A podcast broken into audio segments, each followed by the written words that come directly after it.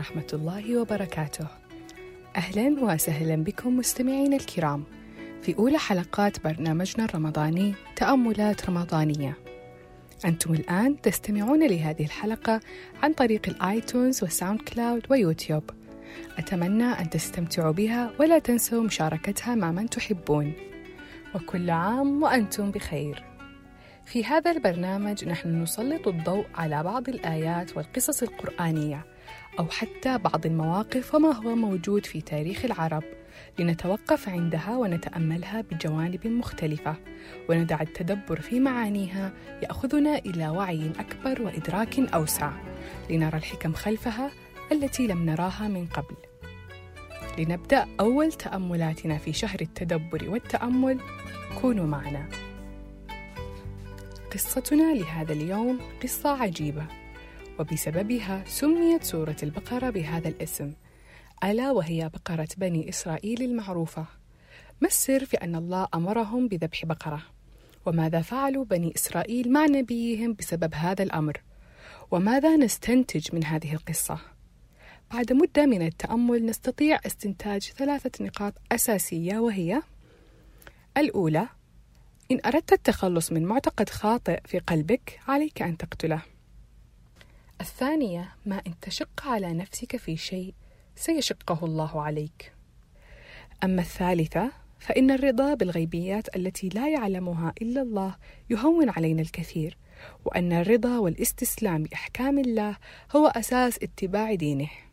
فأما المحور الأول فإن بني إسرائيل قد عاشوا سنين طوال في مصر وتأثروا جدا بالمعتقدات الوثنية من الحضارة الفرعونية حتى أنهم آمنوا بها بل وأشربوا حبها. منهم العجل آبيس والآلهة حتحور التي في المعتقد الفرعوني أنها تتمثل على شكل بقرة. وكان الدليل على ذلك أنهم طلبوا من نبيهم عليه السلام ما أن خرجوا من مصر أن يجعل لهم صنما يعبدونه ولم يكتفوا بذلك بل عبدوا العجل الذي صنعه لهم السامري في غياب موسى. لذا فإن أمر قتل البقرة عظيم بالنسبة لهم لم يتجرأوا على فعله. ولأن الله يعلم ما يخفونه من تعلقهم بالوثنيات أمرهم أن يذبحوا البقرة ليتخلصوا من آثار الوثنيات تلك. إن كنت رهن أي معتقد خاطئ اقتله لتتخلص منه. إن كان قلبك متعلق بعد بما هو مضر له اقتله لتتخلص منه. كم من أمر نعلم ويعلم الذين من حولنا أن فيه ضرر كبير علينا ولكننا نتمسك به. عليك في هذه اللحظة أن تتدارك نفسك.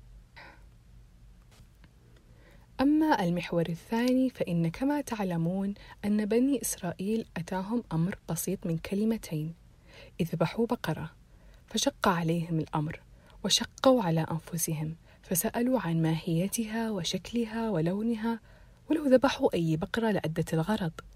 وهذا ما يجعلني أفكر كم من أمر شددناه على أنفسنا واستصعبنا فعله فصعبه الله علينا. كم من أمر أتانا سهلا فعسرناه بسؤالنا ماذا وكيف وما ولم نؤده إلا بعد العناء والمشقة. أحيانا تكفي النية الصادقة فقط لفعل أي شيء. وأحيانا ييسر لنا الله الأمور ويترك لنا السعي. كل ما عليك فعله أن تقدم بصدق. أما عن المحور الثالث أخيرا فإن الطاعة والاستسلام المباشر لأوامر الله هما واجب علينا وهما الشيئان اللذان ليسا عند بني إسرائيل كما نرى دائما. ومن هذه القصة نستنتج أن هناك حكمة خلف كل أمر يأمرنا الله به. وخلف كل موقف يضعنا الله به. وقد نضيع أحيانا حكمة الله في تسيير للأمور بهذا الشكل وأحيانا نتساءل كثيرا لماذا يبدو الأمر على هذا النحو؟ لماذا أنا من يمتحنني الله؟ لماذا علينا أن نفعل ذلك الأمر بهذا الشكل والكثير من الأسئلة التي تنسينا حكمة الله خلف كل شيء؟ فكما في القصة إما أن يريد أن يظهر الحق أو أن يخلصنا من سوء فينا أو يكتب لنا أجر الطاعة. فسر على ما كتبه الله لك وعليك. شكرا لكم مستمعين الكرام. هذا البودكاست تطوعي بحت يعتمد على دعمكم له. فلا تنسوا مشاركة الحلقة مع من تحبون. أيضا يمكنكم مشاركتنا آرائكم لقصة اليوم.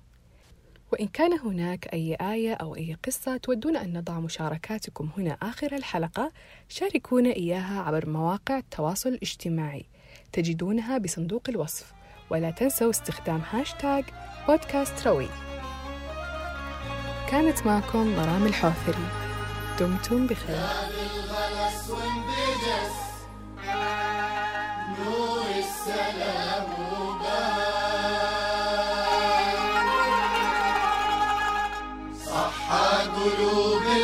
البشر الخير والرحمة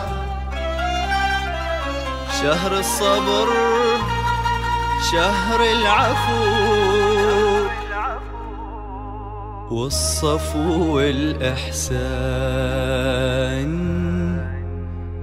لا جاي مر ما ينتظر ويمر ويمر.